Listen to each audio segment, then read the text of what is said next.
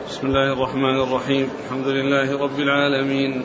الصلاة والسلام على عبد الله ورسوله نبينا محمد وعلى آله وصحبه أجمعين.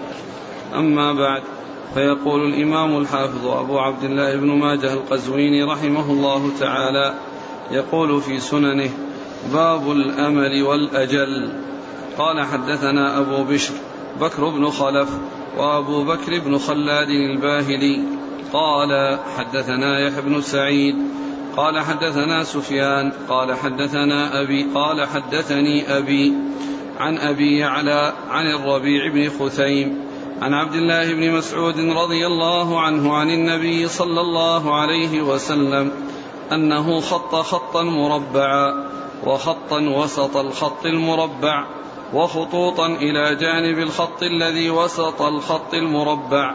وخطا خارجا من الخط المربع. فقال أتدرون ما هذا؟ قالوا الله ورسوله أعلم. قال هذا الإنسان الخط الأوسط وهذه الخطوط إلى جنبه الأعراض تنهشه أو تنهش أو تنهسه من كل مكان. فإن أخطأه هذا أصابه هذا. والخط المربع الأجل المحيط والخط الخارج الأمل. بسم الله الرحمن الرحيم الحمد لله رب العالمين وصلى الله وسلم وبارك على عبده ورسوله نبينا محمد وعلى آله وأصحابه أجمعين. أما بعد فيقول الإمام ماجه رحمه الله باب الأمل والأجل. الأجل هو أجل الإنسان الذي ينتهي إليه وتنتهي به حياته الدنيوية وتبدأ بعد ذلك حياته الأخروية فهذا هو الأجل الذي قدر له وكتب في اللوح المحفوظ أنه يبلغه فإنه لا يتقدم ولا يتأخر عن ذلك الأجل.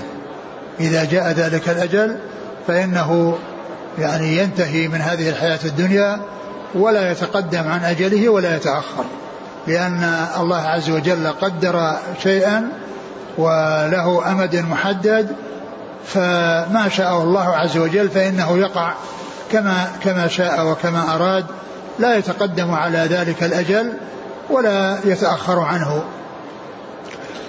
لا يتقدم عن ذلك الأجل الذي كتب له ولا يتأخر عنه. و وأما الأمل فهو ما يؤمله الإنسان ويرجو أن يصل إليه وأن يبلغه.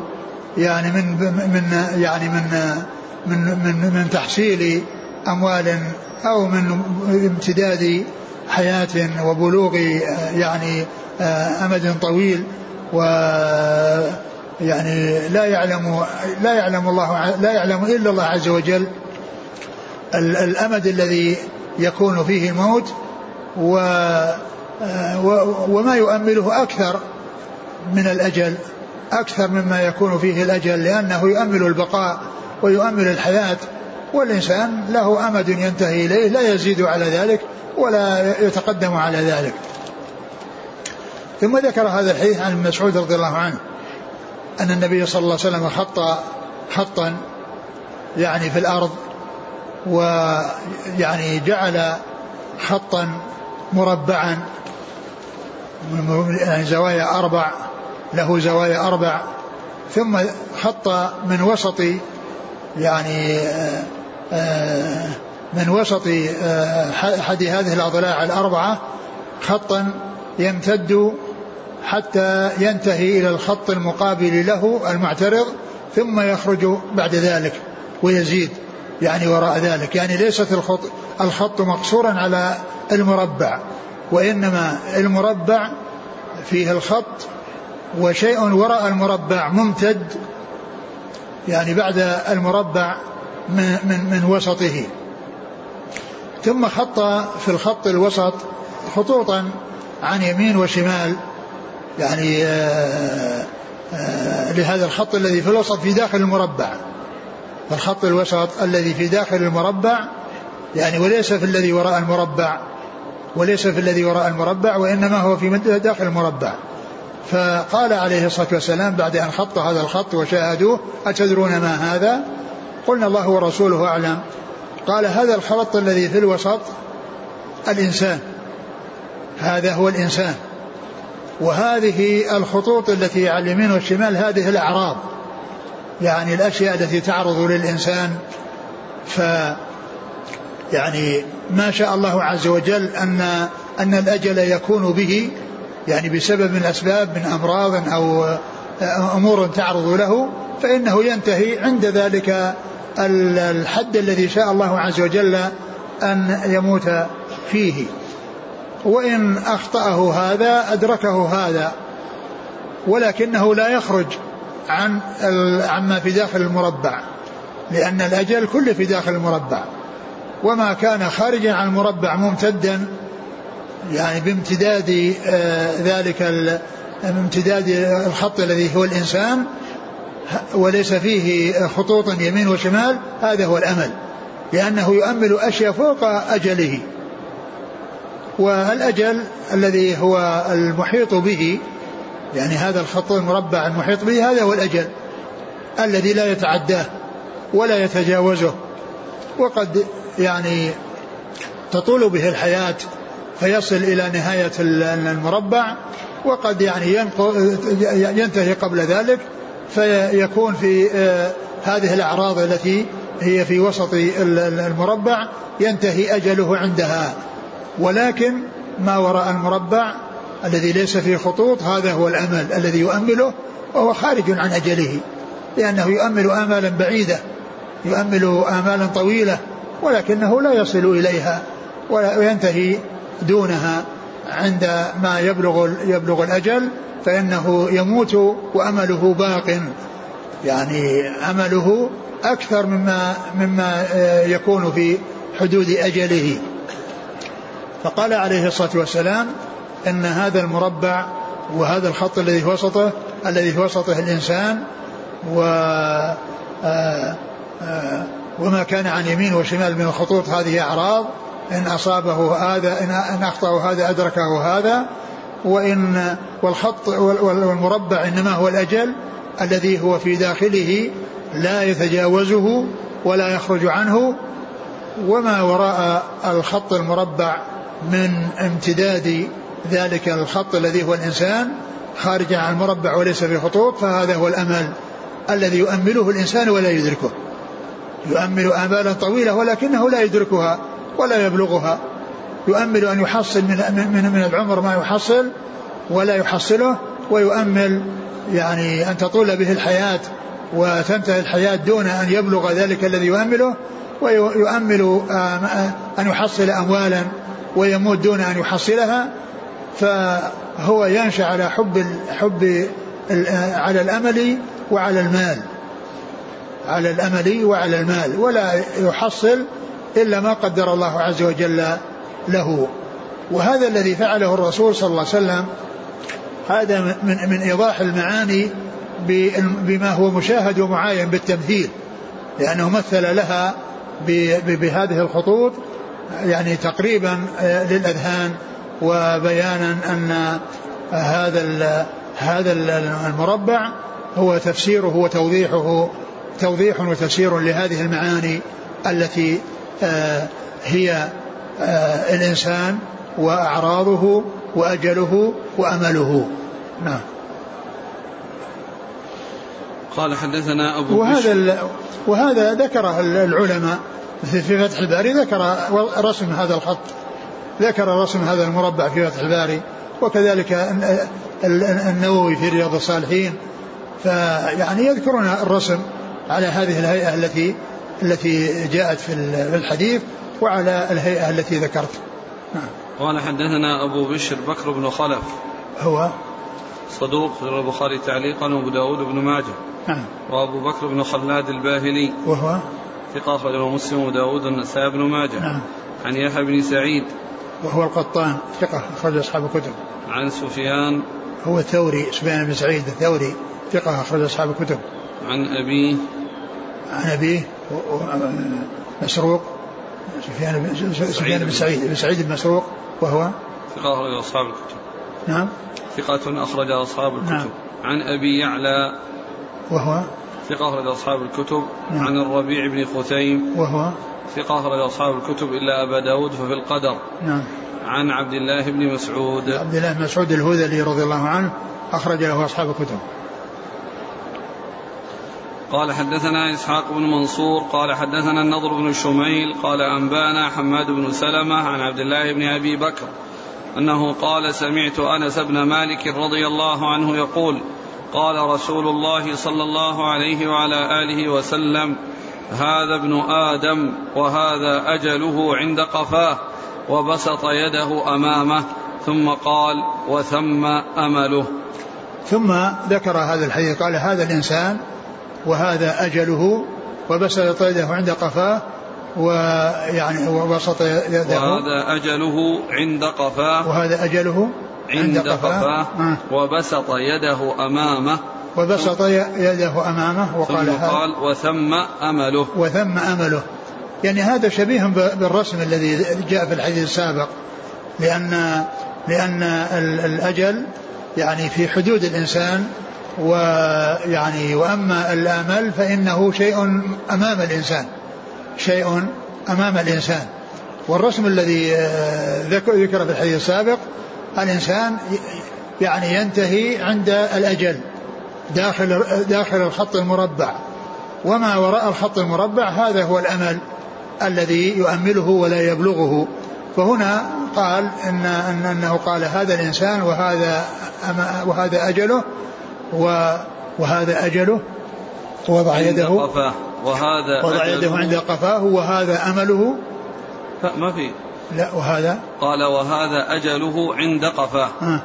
وبسط يده أمامه ثم وبسط يده أمامه يعني أمام الإنسان يعني من وراء الإنسان وقال هذا أمله يعني أنه شيء زائد عن يعني عن عن الإنسان وعن ما يقابل الإنسان مثل مثل الخط الزايد عن المربع الذي هو الأمل في الحديث السابق.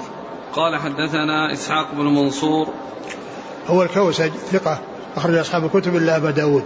عن النضر بن شميل وهو ثقة أخرج أصحاب الكتب. عن حماد بن سلمة وهو ثقة أخرجه البخاري تعليقا مسلم وأصحاب السنن. عن عبد الله بن أبي بكر وهو ثقة أخرج أصحاب الكتب. عن أنس بن مالك ويعني وهو جده يروي عن جده أنس بن مالك. خادم رسول الله عليه الصلاة والسلام وأحد السبعة المكثرين من حديثه ذكرتم جده كيف جده يا شيخ؟ كيف يروي عن جده؟ وهو عبيد الله هو؟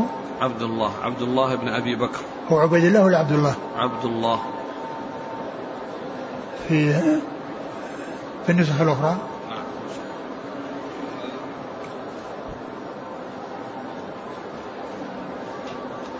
في بعض النسخ عبيد الله.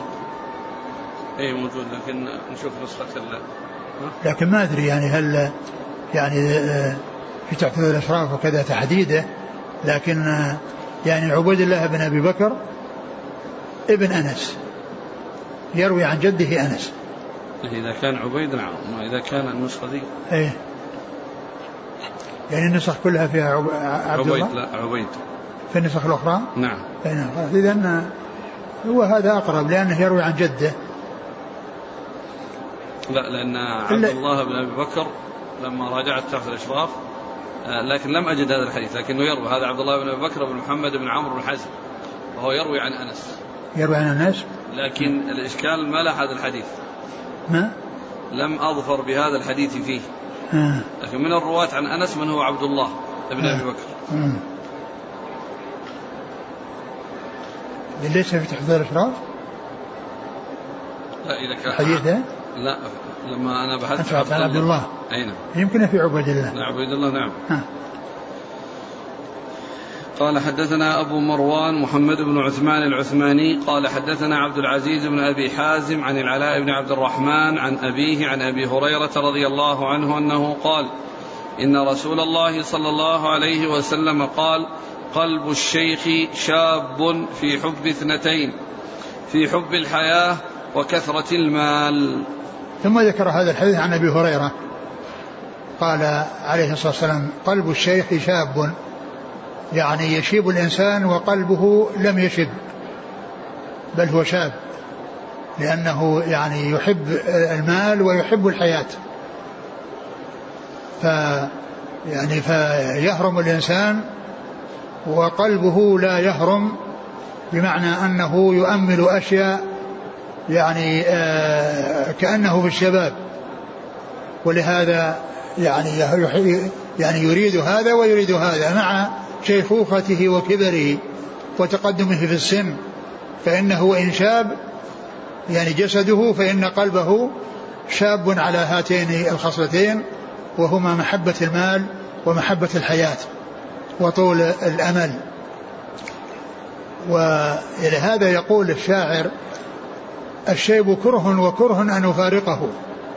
فاعجب لشيء على البغضاء محبوبي. الشيب إذا نظر إلى الشباب يعني ليس بمرغوب. إذا نظر للشباب وما تقدم.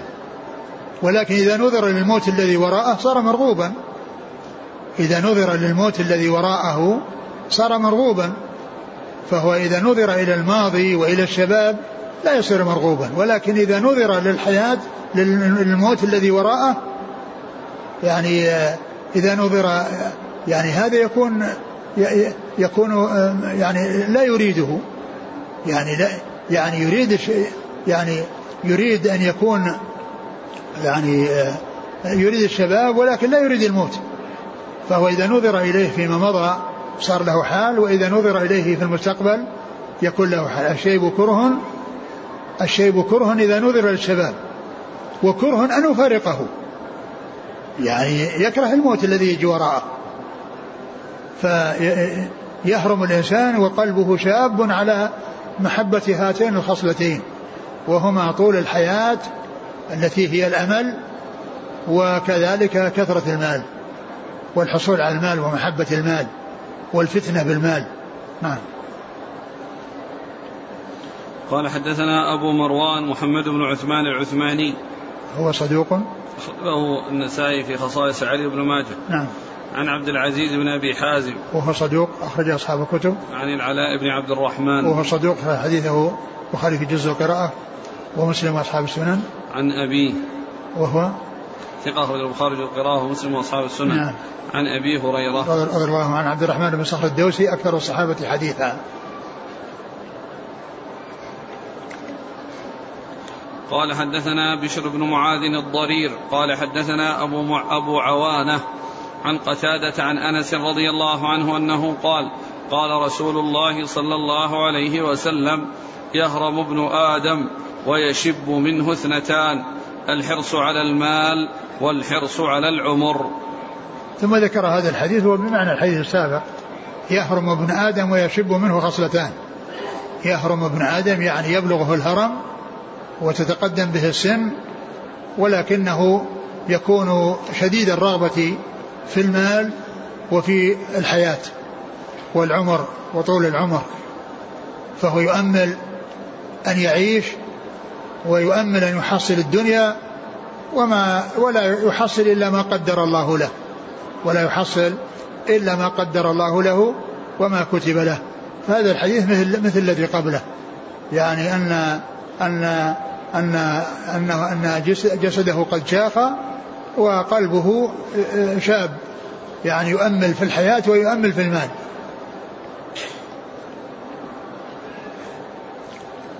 قال حدثنا بشر بن معاذ الضرير. هو؟ صدوق الترمذي والنسائي بن ماجه. نعم. عن أبي عوانة. وهو الوضاح بن عبد الله اليشكري ثقة أخرج أصحاب الكتب. عن قتادة. ابن دعامة السدوسي البصري ثقة أخرج أصحاب الكتب. عن أنس. عن أنس بن مالك رضي الله عنه خادم الرسول صلى الله عليه وسلم وأحد السبع المكثرين من حديثه. قال حدثنا أبو مروان العثماني قال حدثنا عبد العزيز بن أبي حازم عن العلاء بن عبد الرحمن عن أبيه عن أبي هريرة رضي الله عنه أن رسول الله صلى الله عليه وسلم قال لو أن لابن آدم واديين من مال لأحب أن يكون معهما ثالث ولا يملأ نفسه إلا التراب ويتوب الله على من تاب. ثم ذكر هذا الحديث عن النبي صلى الله عليه وسلم أنه قال آه لو أن لولا أن لابن آدم واديين من, من مال. لو أن لابن آدم واديين من مال لتمنى أن يكون لهما ثالث. ولا يملأ نفس ابن آدم إلا التراب ويتوب الله على من تاب. يعني هذا يتعلق بأحد الخصلتين اللتين يحرص على الإنسان عليهما الإنسان وهما الحياة والمال. وهذا يتعلق بالمال والحرص عليه. وأن الإنسان لو أعطي واديين من المال يعني شيئا كثيرا وشيئا متكررا ليس واديا واحد وإنما واديان لا طلب أو لتمنى أن يحصل له ثالث. وكذلك إذا حصل ثالث يعني يبحث عن رابع وهكذا لأنه يرغب يرغب في المال ويحصل المال. و ولا يملأ جوف ابن آدم إلا التراب. ولا يملأ جوف ابن آدم إلا التراب. يعني يعني لعل المراد من ذلك أنه إذا مات فإن التراب هو الذي يملأ جوفه وهو الذي يصل إلى جوفه. يعني ويتوب الله على من تاب ويتوب الله على من تاب من من من من, من الأشياء التي الذنوب التي تنشأ عن عن المال وعن الحرص على المال أو عن التصرف في المال وأخذ المال. يعني يعني آه، آه، كونه داخلا وخارجا. داخلا عليه وخارجا منه. نعم. قال حدثنا أبو مروان العثماني عن عبد العزيز بن حازم عن العلاء بن عبد الرحمن عن أبيه عن أبي هريرة. هذا الإسناد مر كله. قال حدثنا الحسن بن عرفة قال حدثني عبد الرحمن بن محمد المحاربي عن محمد بن عمرو عن أبي سلمة عن أبي هريرة رضي الله عنه أن رسول الله صلى الله عليه وسلم قال أعمار أمتي ما بين الستين إلى السبعين وأقلهم من يجوز ذلك. ثم ذكر هذا الحديث عن أبي هريرة أن النبي صلى الله عليه وسلم قال أعمار أمتي ما بين الستين إلى السبعين وأقلهم من يجوز ذلك. يعني أن هذا هو الغالب والذي يتجاوز ذلك قليل بالنسبة لمن ينتهي عند هذا السن أو قبل هذا السن. لكن يعني هذا الم... الم... هذا السن الذي هو بين الستين إلى السبعين هذا هو الغالب أن من بلغه ينتهي عند هذا الحد. ومن يت... و... و... وقليل من يتجاوز ذلك. وقليل من يتجاوز ذلك. وهذا فيه الإشارة إلى إلى أن أعمار أعمار هذه الأمة يعني أن أن أن بلوغها ونهايتها عند هذا المقدار الذي هو من الستين إلى السبعين وأن من يتجاوز هذا السن يعني يكون قليلا في الناس وأن من يعني بالنسبة لمن لم يصل بالنسبة لمن لم يتجاوز. يعني إنه قليل بالنسبة لمن لم يتجاوز. الأكثرية تنتهي عند هذا السن وما دونه. والقلة تكون في من يتجاوز يعني هذه السن. نعم قال حدثنا الحسن بن عرفة. الحسن بن عرفة هو صدوق أخرج حديثه الترمذي والنسائي في عمل يوم والليلة وابن ماجه. نعم والحسن بن عرفة ذكر في ترجمته ذكره المزي في تهذيب الكمال أن أنه أنه سمى عشرة من أولاده بأسماء العشرة المبشرين بالجنة. سمى عشرة من أولاده بأسماء العشرة المبشرين بالجنة. وهذا يدل على ما كان عليه السلف من محبة الصحابة ومحبة آه، آه، أصحاب الرسول صلى الله عليه وسلم ومحبة العشرة المفضلين فيهم وهم أبو بكر وعمر وعثمان وعلي وطلحة والزبير وسعد وسعيد وعبد الرحمن وأبو عبيدة بن الجراح رضي الله تعالى عنهم وأرضاهم. وكذلك مثله آه، ابن دقيق العيد وكان وكانت وفاته في أوائل القرن الثامن. يعني سمى عشرة من أولاده بأسماء العشرة المبشرين بالجنة. سمى عشرة من أولاده بأسماء العشرة المبشرين بالجنة. ذكر ذلك آه، ابن شاكر في آه، في آه، في في ما فات وفيات الأعيان. فوات الوفيات لابن خلكان وفيات الأعيان لابن خلكان وهذا ذيل عليه أو تعقب عليه والذي هو اسمه فوات الوفيات. يعني ما فات الوفيات لابن لابن خلكان ذكر ترجمته وذكر فيه أن أنه سمى عشرة من أولاده في أسماء العشرة المبشرين بالجنة. تحقيق يعني. ها؟ أحمد شاكر؟ لا واحد شاكر كذا فلان شاكر اسمه الكتبي اسمه. الكتبي أو الكتبي. الكتبي يعني أظن اسمه شاكر كذا ما أدري. صاحب فوات الوفيات إذا في اسمه شاكر ما أدري أو بن شاكر. عن عبد الرحمن بن محمد المحاربي. وهو لا بأس به وبمعنى صدوق أخرج له. أصحاب الكتب. نعم. عن محمد بن عمرو. وهو صدوق أخرج أخرج له أصحاب الكتب. عن أبي سلمة. وهو أبو سلمة بن عبد الرحمن بن عوف. ثقة فقيه أحد فقهاء المدينة السبعة في عصر التابعين على أحد الأقوال الثلاثة في السابع منهم. لأن ستة منهم متفق على أنهم من الفقهاء السبعة. وواحد فيه ثلاث أقوال. منهم من جعل السابع أبو سلمة هذا ومنهم من جعله سالم بن عبد الله بن عمر ومنهم من جعله أبو بكر بن عبد الرحمن بن الحارث بن هشام. وقد ذكرهم ابن القيم في أول كتابه إعلام الموقعين فإنه ذكر الفقهاء من الصحابة في البلدان والفقهاء من التابعين في البلدان. ولما جاء للمدينة ذكر أن فيها في عصر التابعين سبعة.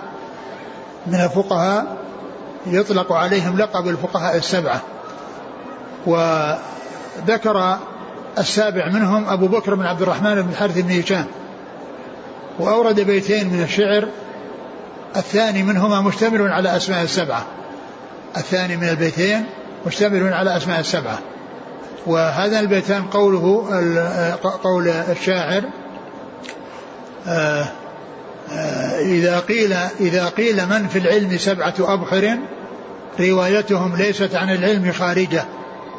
فقل هم عبيد الله عروة قاسم سعيد أبو بكر سليمان خارجة.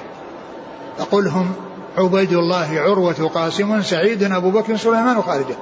عبيد الله بن عبد الله بن عثمان مسعود عروة بن الزبير العوام القاسم بن محمد بن أبي بكر آه سعيد بن المسيب آه أبو بكر بن عبد الرحمن بن حارث بن هشام آه خارجة بن زيد بن ثابت آه وسليمان بن يسار وسليمان بن يسار. وهذا اللقب آه، اللي هو مكون من كلمتين يغني عن ذكر هؤلاء السبعة بأسمائهم ونسبهم. ولهذا يأتي في كتب في, في مسائل الفقه إذا كان المسألة ما اتفق فيها الفقهاء السبعة يقول وقال بها الفقهاء السبعة. مثل مسألة عروض التجارة فإنه لما جاءوا عند المسألة قالوا وقال بها الفقهاء السبعة. يعني أن الفقهاء السبعة يعني قالوا بوجوب الزكاة في عروض التجارة. و ف فكلمتان تغني عن سرد أسماء سبعة مع مع أسماء آبائهم. يغني عنها كلمة الفقهاء السبعة التي اصطلحوا عليها. نعم. عن أبي هريرة. نعم. هذا الكتاب أحسن الله إليك فوات الوفيات لمحمد بن شاكر بن أحمد الكتبي. نعم. متوفى 764 700 وأربعة وستين. ستين ومن دقيق العيد أظن توفي 705 يقول ذكر 600 ترجمة في كتابها. ذكر فيه 600 ترجمة. إيه. قال رحمه الله تعالى باب المداومة على العمل. قال حدثنا أبو بكر بن أبي شيبة قال حدثنا أبو الأحوص عن أبي إسحاق عن أبي سلمة عن أم سلمة رضي الله عنها أنها قالت والذي ذهب بنفسه صلى الله عليه وسلم ما مات حتى كان أكثر صلاته وهو جالس وكان أحب الأعمال إليه العمل الصالح الذي يدوم عليه العبد. وإن كان يسيرا. ثم ذكر المداومة على العمل. هذا المقصود بهذه الترجمة المداومة على العمل المستحب. أما الواجب فهذا لا بد منه وليس الإنسان خيار فيه. بل كل مسلم يجب عليه أن يأتي بما هو واجب عليه من الأعمال. ولكن التفاوت في القلة والكثرة إنما هو بالنوافل التي هي وراء الفرائض. وقد جاء في الحديث القدسي وما تقرب إلي عبدي بشيء أحب إلي ما افترضته عليه ولا يزال عبدي يتقرب إلي بالنوافل حتى أحبه. يعني أن الكثرة من العمل والقلة من العمل إنما هي في النوافل ليست في الفرائض. الفرائض ثابتة مستقرة يلزم كل إنسان يأتي بها. كل إنسان يجب عليه أن يأتي بالفرائض. ولا يعني يتهاون في الفرائض بالانشغال بالنوافل. لا يتهاون عن الفرائض بالاشتغال بالنوافل. كما قال الحافظ بن حجر نقل في فتح الباري عن بعض العلماء ولم يسمه قال قال بعض الأكابر من, من اشتغل بالفرض عن النفل فهو معذور ومن اشتغل بالنفل عن الفرض فهو مغرور. ومن اشتغل بالنفل عن الفرض فهو مغرور. يعني كون الإنسان يتشاغل في أمر مستحب ثم يفوت أمرا واجبا مثل لو أن إنسانا يعني يعني يسهر في الليل ذاكر ويشتغل بالعلم ولكنه يعني إذا جاء الفجر نام وتأخر في نومه فيكون اشتغل بنفل عن فرض. شغله نفل عن فرض يعني اشتغل بفرض بنفل ترتب عليه آه، تقصيره في فرض أو يعني عدم الاتيان به بالفرض اتيانه بالفرض الذي فرض الله عليه. فالنوافل هي ميدان العمل الذي فيه التنافس وفيه الإكثار وفيه الإقلال. والرسول عليه الصلاة والسلام كما جاء في الحديث وغيره يعني يقول إن الأحب إلى الله عز وجل من العمل ما داوم عليه صاحبه وإن قل. ما داوم عليه صاحبه وإن كان قليلا هذا هو الأحب إلى الله.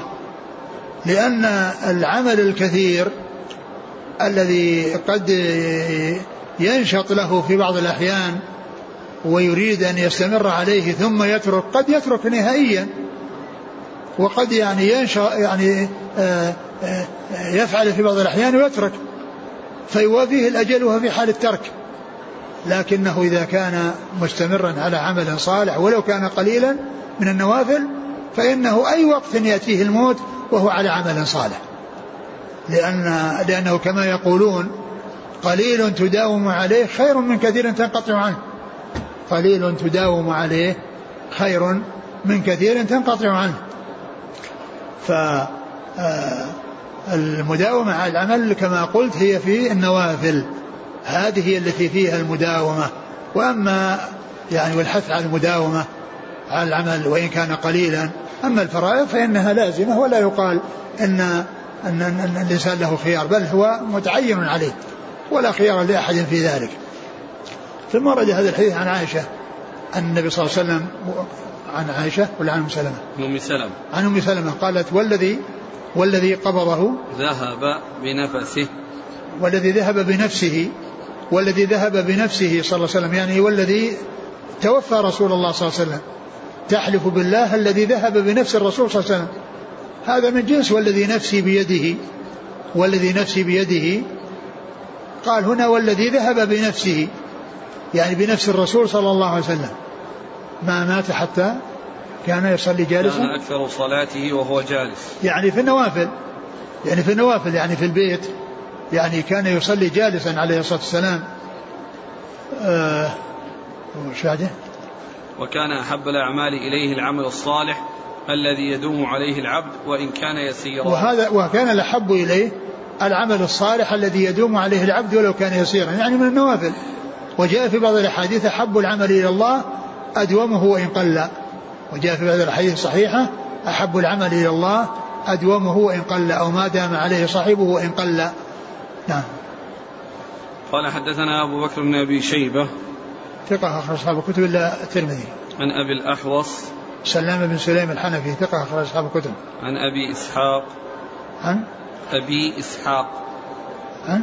عن أبي, أبي إسحاق وهو عمرو بن عبد الله الهمداني السبيعي ثقة أخرج أصحاب الكتب. عن أبي سلمة. عن؟ أبي سلمة عن, عن؟ أم سلمة. عن أبي سلمة بن عبد الرحمن بن عوف الذي مر بنا. عن أم سلمة أم المؤمنين رضي الله عنها وأرضاها هند بنت أبي أمية أخرج حديثها أصحاب الكتب الستة.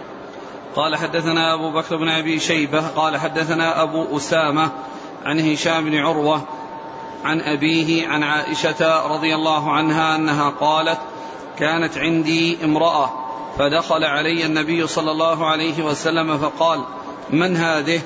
قلت فلانة لا تنام تذكر من صلاحها.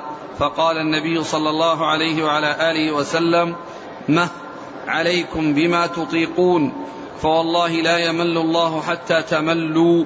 قالت وكان أحب الدين إليه الذي يدوم عليه صاحبه. ثم ذكر هذا عن عائشة عن عائشة رضي الله عنها أن النبي صلى الله عليه وسلم دخل عليها وعندها امرأة فقالوا من هذه؟ فقالت فلانة. وذكرت شيء من صلاتها وعبادتها وأنها لا تنام. يعني تنام الليل يعني من أنها تصلي.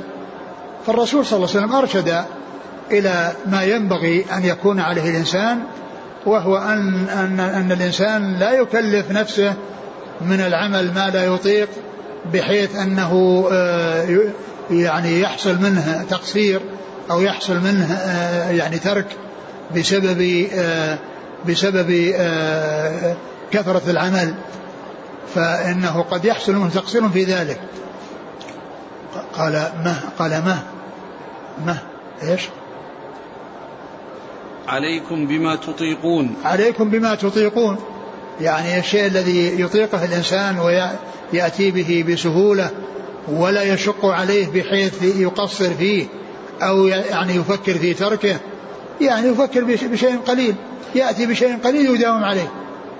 مثل يعني كون الإنسان يلازم صيام ثلاثة أيام من كل شهر. يستمر عليها باستمرار. هذا قليل يداوم عليه الإنسان. لكن الإنسان قد يصوم أياما كثيرة ثم بعد ذلك يفتر فيحصل منه الترك. لكنه إذا داوم على القليل ولو كان كثيرا فإن هذا هو الذي يكون الإنسان على صلة بالله مستمرة و و آه وإذا وافاه الأجل يوافيه وهو على عبادة وهو ملازم لعبادة تطوعا وتقربا إلى الله عز وجل زيادة على ما يأتي به من الفرائض. عليكم عليكم من العمل. عليكم بما تطيقون. عليكم بما تطيقون. يعني إلزموا. عليكم اسم فعل بمعنى إلزموا. عليكم اسم فعل بمعنى إلزموا. يعني إلزموا من العمل ما تطيقون. والتزموا بما تطيقون. ولا تقدموا على شيء كثير تملون منه وتتركونه. قال فإن الله لا يمل حتى تملوا. لا يم... فإن الله لا يمل حتى تملوا. فسر يعني هذا الحديث هذا المعنى من هذا اللفظ من الحديث كما قال البغوي في شرح السنة إن الله لا يمل وإن مللتم. يعني وإن حصل منكم الملل فإنه لا يمل. أنتم تملون وهو لا يمل. ويعني ومعنى ذلك أن الله لا يمل حتى أن تملوا هو لا يمل. أن الله لا يمل حتى أن تملوا فإنه لا يمل. ف يعني يكون المعنى بهذا كما قال البغوي في شرح السنة أنه لو حصل منكم الملل فإن الله عز وجل لا يمل. مش بعده؟ قالت وكان أحب الدين إليه الذي يدوم عليه صاحبه. وكان أحب الدين الذي يدوم عليه صاحبه. أحب الدين إليه الذي يدوم عليه صاحبه مثل الذي قبله. يعني يعني المداومة على العمل الصالح.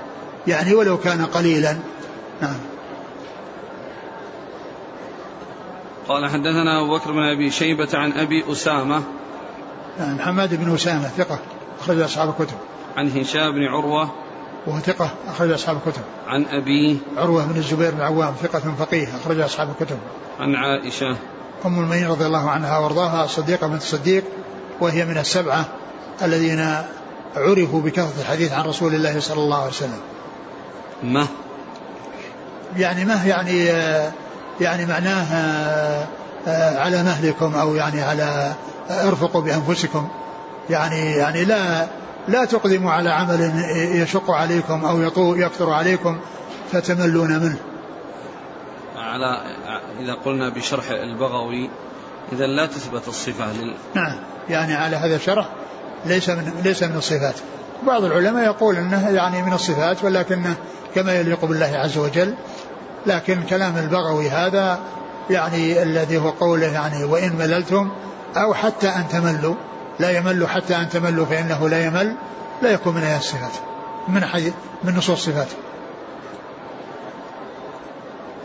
قال حدثنا أبو بكر بن أبي شيبة قال حدثنا الفضل بن دكين عن سفيان عن الجريري عن أبي عثمان عن حنظلة الكاتب التميمي الأسيدي رضي الله عنه أنه قال كنا عند رسول الله صلى الله عليه وعلى آله وسلم فذكرنا الجنة والنار حتى كأنا رأي العين.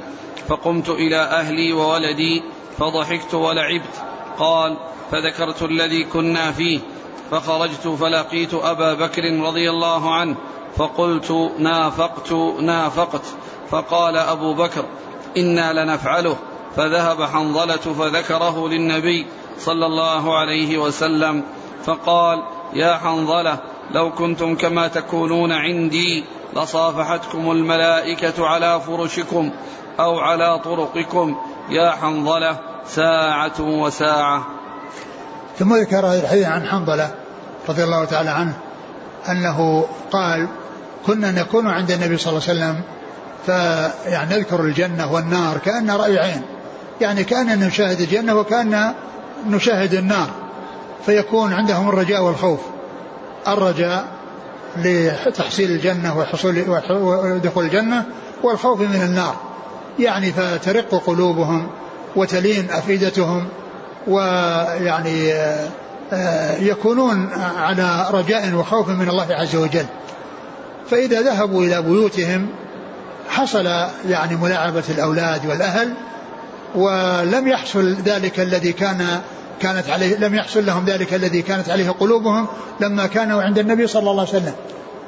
فظن أن هذا العمل منه أنه نفاق وأنه كان على حالة عند الرسول صلى الله عليه وسلم على حالة حسنة فيها خوف ورجاء وفيها رقة القلب ولينة. ثم إذا جاء في البيت يعني واتصل بالأهل والأولاد آه، غفل عن ذلك الشيء الذي كان عليه عند رسول الله صلى الله عليه وسلم. فخرج ولقي أبو بكر وقال نافقت. يعني أنني نافقت. يعني كنا عند الرسول صلى الله عليه وسلم كذا وكذا وإذا جئنا البيت صرنا كذا وكذا. يعني صرنا على حالة غير الحالة التي كنا عليها عند رسول الله صلى الله عليه وسلم. فقال أبو بكر كلنا يفعل ذلك. يعني هذا شأننا. هذا هو شأننا. يعني ليس هذا أمر يخصك بل هذا آه، شأن غيرك من الناس. فجاء إلى رسول الله صلى الله عليه وسلم وقال له يعني هذا الذي آه، جاء في ذهنه والذي انقدح في ذهنه والذي خشي أن يكون عليه فيه مضرة. فقال لو أنكم تكونون عندي على الهيئة تكونون على الهيئة التي تكونون فيها عندي يعني باستمرار لصافحتكم الملائكة على فرشكم وفي أسواقكم وفي طرقكم.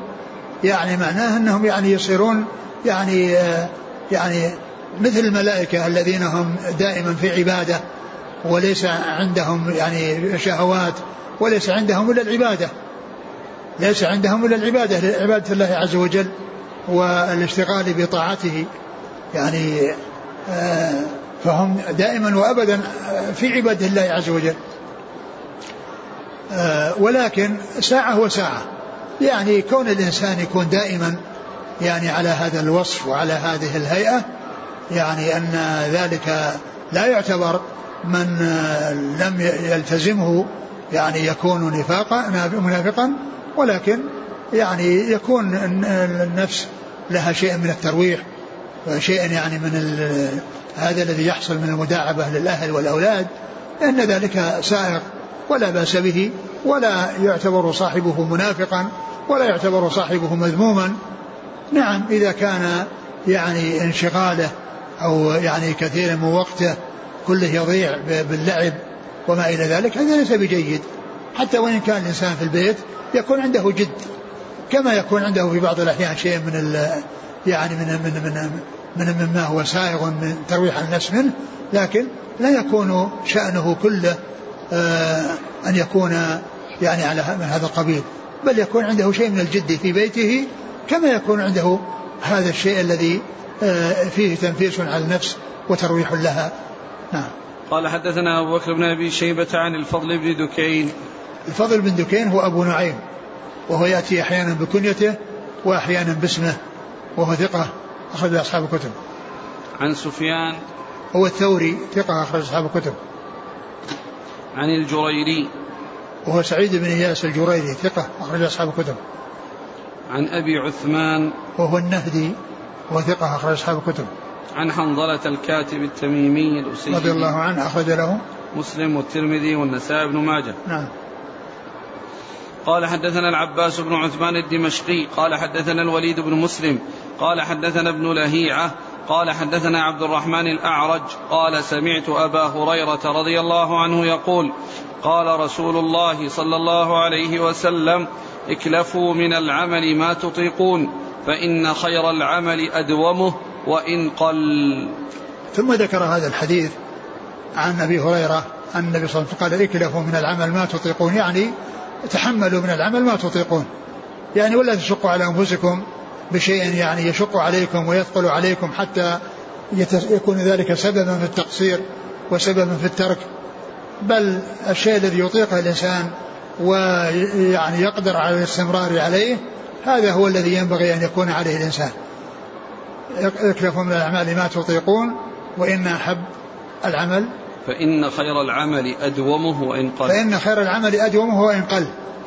يعني هذا الحديث في إسناده باللاهيعة وفيه ضعف ولكن آه، كل من الجملتين يعني لها شواهد. يعني آه، وقد مرت هذه الشواهد. يعني كل إنسان يعني عليكم الأعمال ما تطيقون وأن الله وأن أحب العمل إلى الله ما داوم عليه صاحبه. كل الأدلة التي راحت هي التي مضت هي شاهدة لهاتين الجملتين. فوجود باللهيعة في هذا الإسناد يعني لا يؤثر لأن له شواهد آه، دالة على كل من الجملتين اللتين اشتمل عليهما هذا الحديث. قال حدثنا العباس بن عثمان الدمشقي. هو؟ صدوق يخطى أخرجه ابن ماجه. نعم. عن الوليد بن مسلم. وهو ثقة أخرج أصحاب الكتب. عن ابن لهيعة. وعبد الله بن لهيعة المصري وهو صدوق. اختلط لما احترقت كتب أخرجه مسلم وأبو داود الترمذي وابن ماجه. نعم. عن عبد الرحمن الأعرج. وهو عبد الرحمن بن هرمز. ثقة أخرج أصحاب الكتب عن أبي هريرة. نعم. قال حدثنا عمرو بن رافع قال حدثنا يعقوب بن عبد الله الأشعري عن عيسى بن جارية عن جابر بن عبد الله رضي الله عنهما أنه قال مر رسول الله صلى الله عليه وعلى آله وسلم على رجل يصلي على صخرة فأتى ناحية مكة فمكث مليا ثم انصرف فوجد الرجل يصلي على حاله فقام فجمع يديه ثم قال يا أيها الناس عليكم بالقصد ثلاثا فإن الله عز وجل لا يمل حتى تملوا. ثم ذكر هذا الحديث عن عن جابر بن عن جابر بن عبد الله رضي الله تعالى عنهما أن النبي صلى الله عليه وسلم وكان ذاهب إلى مكة يعني وجد رجلا يصلي على صخرة في مكان معين فيعني ذهب وبعد رجوعه بأيام وجده في نفس المكان الذي هو عليه يصلي. فالرسول عليه الصلاة والسلام قال قال ما يا أيها الناس عليكم بالقصد ثلاثة. قال يا أيها الناس عليكم بالقصد. القصد هو الاعتدال والتوسط في الأمور الذي يكون بين طرفي الإفراط والتفريط. هذا هو القصد.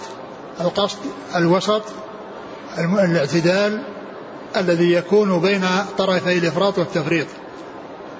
ويقول أبو سليمان الخطاب في البيت في بيت من الشعر ولا تغلو في شيء من الأمر واقتصد كلا طرفي قصد الأمور ذميم ولا تغلو في شيء من الأمر واقتصد. يعني كن وسطا. كلا طرفي قصد الأمور ذميم لأن الحق وسط بين طرفين طرف التقصير والتفريط وطرف الغلو والإفراط. والحق وسط بينهما. والشيطان يأتي إلى الإنسان من هذين الطرفين فإن رأى عنده تقصيرا في العبادة ورغبة في الشهوات ومحبة يعني للملذات جاءه عن طريق الشهوات وعن طريق يعني كونه يزهده في العبادة ويجعله يعني لا يشتغل بها ويشتغل في الملذات وفي المتع وفي الشهوات التي يعني ينشغل بها عن عن الخير. وإن رأى عنده إقداما على العبادة ورغبة في العبادة جاء عن طريق الزيادة. يعني كونه يتجاوز ويزيد ويغلو. فهو يأتي الشيطان عن هذين عن من هذين الطرفين. والحق وسط بينهما الذي هو الاعتدال بين الإفراط والتفريط. الاعتدال والتوسط بين الإفراط والتفريط. ويقول الشيخ حافظ الحكم رحمه الله فلا تفرط ولا تفرط وكن وسطا. ومثل ما أمر الرحمن فاستقمي يعني استقم على ما أمر الله من غير إفراط ولا تفريط. يشير إلى قول الله عز وجل فاستقم كما أمرت. يعني استقم والتزم بالاستقامه على على الوجه الذي أمرت به. على الوجه الذي أمرت به.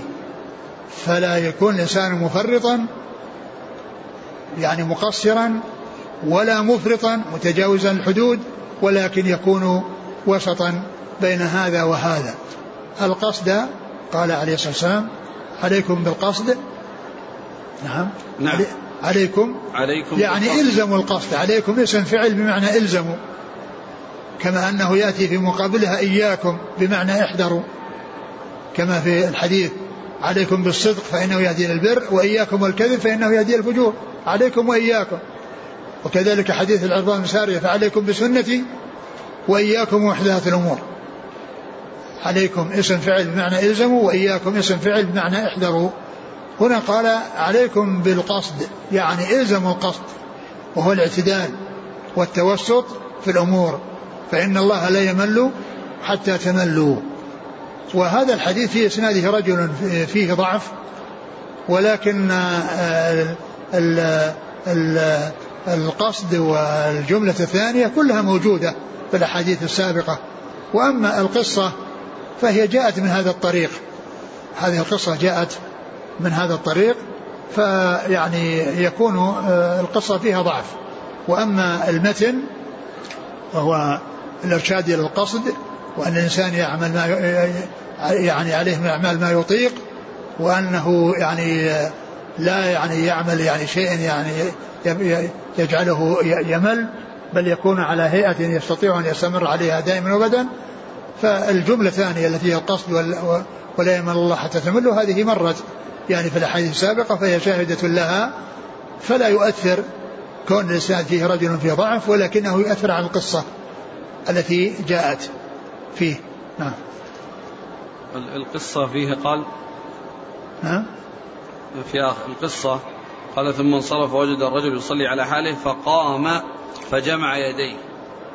نعم وكذلك إذا جمع يديه كلها مع بعض. ما المراد؟ من الذي الآن؟ الرسول صلى الله عليه وسلم. الرسول صلى الله عليه وسلم هو الذي جمع يديه وقال يعني القصد القصد. جمع يديه يعني يدعو ولا جمع يديه ماذا؟ ما أدري إيش المقصود به ما أدري بينما جمع يديه يعني ما يشير إلى شيء أو يعني يعني ما في شيء ما في ذكر دعاء ولكن كأنه كأنه إشارة إلى آه أن يفعل هذا الفعل الذي هو القصد وليس الذي آه يكون فيه الملال. قال حدثنا عمرو بن رافع. ثقة أخرج حديث ابن ماجه. عن يعقوب بن عبد الله الأشعري. وهو صدوق يهم أخرج البخاري تعليقا وأصحاب السنن. نعم. عن عيسى بن جارية. وهو فيه لين. أخرجه ابن ماجه. نعم. عن جابر بن عبد الله. رضي الله تعالى عنهما. وهو أحد السبع المكثرين من حديث رسول الله صلى الله عليه وسلم. انتهى الباب. نعم. والله تعالى أعلم وصلى الله وسلم وبارك على عبده ورسوله نبينا محمد وعلى آله وأصحابه أجمعين. جزاكم الله خيرا وبارك الله فيكم. ألهمكم الله الصواب ووفقكم للحق. نفعنا الله ما سمعنا وغفر الله لنا ولكم وللمسلمين أجمعين. آمين. نعم نعم. قول النبي صلى الله عليه وسلم لحنظلة أو لو تكونوا أو تدومون على ما أنتم عليه عندي لأصافحتكم الملائكة.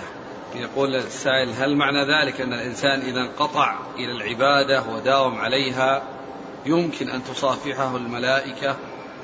ما أدري هل يعني كون الإنسان دائما وأبدا ولا يحصل له يعني ما يحصل له يعني شيء من المتعة أو شيء من الأنس أو ما إلى ذلك. ما أظن ما أحد يعني يسلم يعني يعني ما أحد يسلم من ذلك. رسول الله صلى الله عليه وسلم هو خير الناس يعني كان يعني يداعب يعني يعني أصحابه ويداعب الصبيان ويعني يمازح الصبيان مثل مثل ما جاء في قصة أبو عمير أبا عمير ما فعل النغير وهو رسول الله صلى الله عليه وسلم. يعني ف يعني كل إنسان يعني آه، على حالة يعني ما يكون في لحظة من اللحظات أو يعني شيء قليل من الأوقات ما يكون عنده شيء من الأنس أو الاستئناس. يعني ما أدري عن حصول هذا. يقول الإنسان أحيانا تكون عنده همة في الإكثار من العبادات.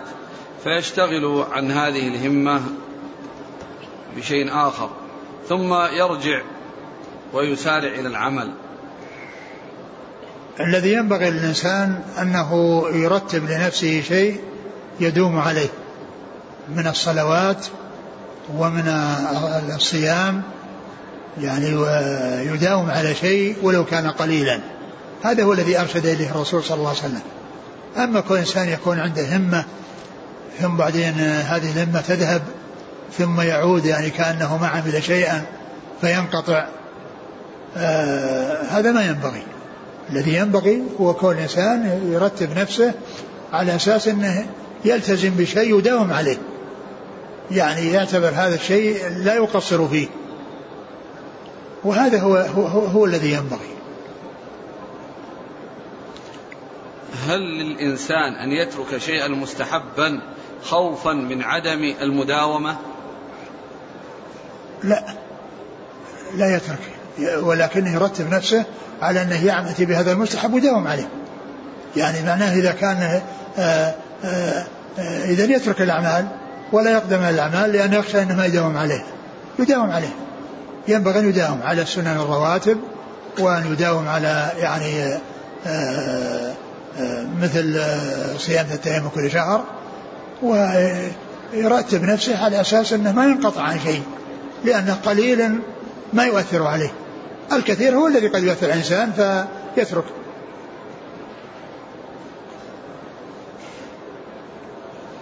يقول هل من السنة الجلوس في صلاة النافلة؟ لا يقال إنه من السنة وإنما من احتاج إليه فإنه يجلس ولكن له نصف الأجر كما جاء في الحديث.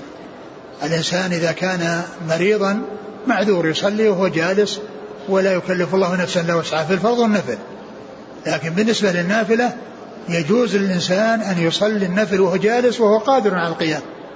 ولكن له نصف الأجر كما جاء في الحديث عن رسول الله صلى الله عليه وسلم. يقول تم في بلادنا تعويض لأهل المسجونين الذين قتلوا في السجن من أجل التزامهم بالسنة رفع الإزار وإطلاق اللحية. فما حكم هذا التعويض؟ إيش؟ تم في بلادنا تعويض لأهل المسجونين الذين ماتوا في السجن. وقد سجنوا من أجل اتباعهم السنة رفع الإزار وإعفاء اللحية. الإنسان إذا سجن وكان مظلوما ويعني سواء مات وأعطوا وأعطوا شيئا يعني عن عن قيامه بهذا الأمر الذي ندموا عليه أو أنه خرج من السجن و وأعطي تعويضا عن سجنه ما مثل ذلك لا بأس به. يعني كونه يعني ظلم ثم بعد ذلك مات وهو مظلوم أو خرج من السجن وهو مظلوم وانقطع عن عن العمل أو انقطع عن عن الشيء الذي كان عليه قبل أن يسكن ثم أعطي شيئا في مقابل ذلك له أن يأخذه. نعم ما في بأس. يقول الأخ صلى بنا إمام صلاة المغرب صلى فينا الركعة الأولى ثم قام وأتى بركعة ثانية سرا ثم قام وجاء بركعة ثالثة جهرا ثم قام وجاء بركعة رابعة سرا. كيف كيف؟ يقول صلى بنا إمام. ما صارت مغرب. أقول ما صارت مغرب. لا هو بيقول اعتذر في الأخير يقول أن الركعة ذي لأني ما قريت فيها الفاتحة عشان كذا لم أعتبرها. يقول صلى الركعة الأولى ثم قام وأتى بركعة ثانية سرا. أيوة. ثم قام وجاء بركعة ثالثة جهرا. ثم قام وجاء بركعة رابعة سرا. ثم جلس للتشهد وسلم. وأتى بسجدتي السهو هذه صلاة رباعية صارت. عندما سألناه قال الركعة الثانية التي أنا قمت فيها لم أقرأ فيها شيئا. وكيف؟ ما قرأ شيئا أبدا؟ هكذا يقول. ها؟ فتسقط حينئذ. ما قرأ شيئا أبدا؟ هكذا يقول. ها. على كل إذا كان الأمر كذلك فالأمر سهل. أما إن كان يعني قرأ سرا فذلك لا يؤثر لأن السر يعني ليس لأن الجهر ليس واجبا. يعني لو يعني ما يكون ترك واجب فلو أسر في جهر أو جهر في سر فإنه يبدأ من حيث آه، تذكر. فإذا مثلا دخل في الصلاة وقال الحمد لله رب العالمين الرحمن الرحيم سرا ثم نبه فإنه يواصل من المكان الذي آه، وقف عليه ولا يستأنف القراءة من جديد. وكذلك أيضا لو جهر ونبه فإنه يواصل. يأتي بالباقي سرا. يأتي بالباقي يعني سرا. فإذا كان أنه يعني ما حصل منه يعني قراءة الفاتحة وأنه ألغاها لهذا يعني عمله صحيح. لأن لأن قراءة الفاتحة لازمة ولا سيما للإمام. لأن الإمام يعني آه، لابد من كونه يأتي بالفاتحة لأن بعض العلماء اللي قالوا يتحمل الإمام القراءة عن المأموم يعني آه، معنى ذلك أن الإمام وجدت منه الفاتحة. فإذا لم توجد الفاتحة معناه أن الركعة غير صحيحة. يقول هل طول الأمل مذموم؟ وقد يكون الإنسان له آمال طيبة في طلب العلم والدعوة والتعليم. لكل امرئ ما نوى. لكل امرئ ما نوى. إذا كان يعني أراد خيرا وفكر في خير ويؤمل أن أن يعني يستمر على خير. لكن الأمل المستقبل علمه عند الله عز وجل. يعني الأجل محدود والإنسان إذا أمل خيرا فهو على خير وإن أمل شرا فهو يخشى عليه. هل يؤخذ من الحديث الذي خط فيه الرسول صلى الله عليه وسلم الخطوط؟ هل يؤخذ منه جواز تعليم الفقه كالحج باستعمال الرسوم والصور؟ لا ما يجوز. لا يجوز. الناس يتعلمون بدون صور. ويعني آه، آه، يفهمون بدون صور. الصور يعني لا يجوز استعمالها وكون الناس يصورون يعني هذا يفعل كذا وهذا يفعل كذا وهذا يفعل كذا. ابدا. الناس يعني يفهمون اللغة العربية ويفهمون ما خطبوا به. وأما هذا شيء أراد النبي صلى الله عليه وسلم أن يبين لهم من غير من غير صور أو شيء يتعلق بصور. جزاكم الله خيرا. سبحانك اللهم وبحمدك. أشهد أن لا إله إلا أنت أستغفرك.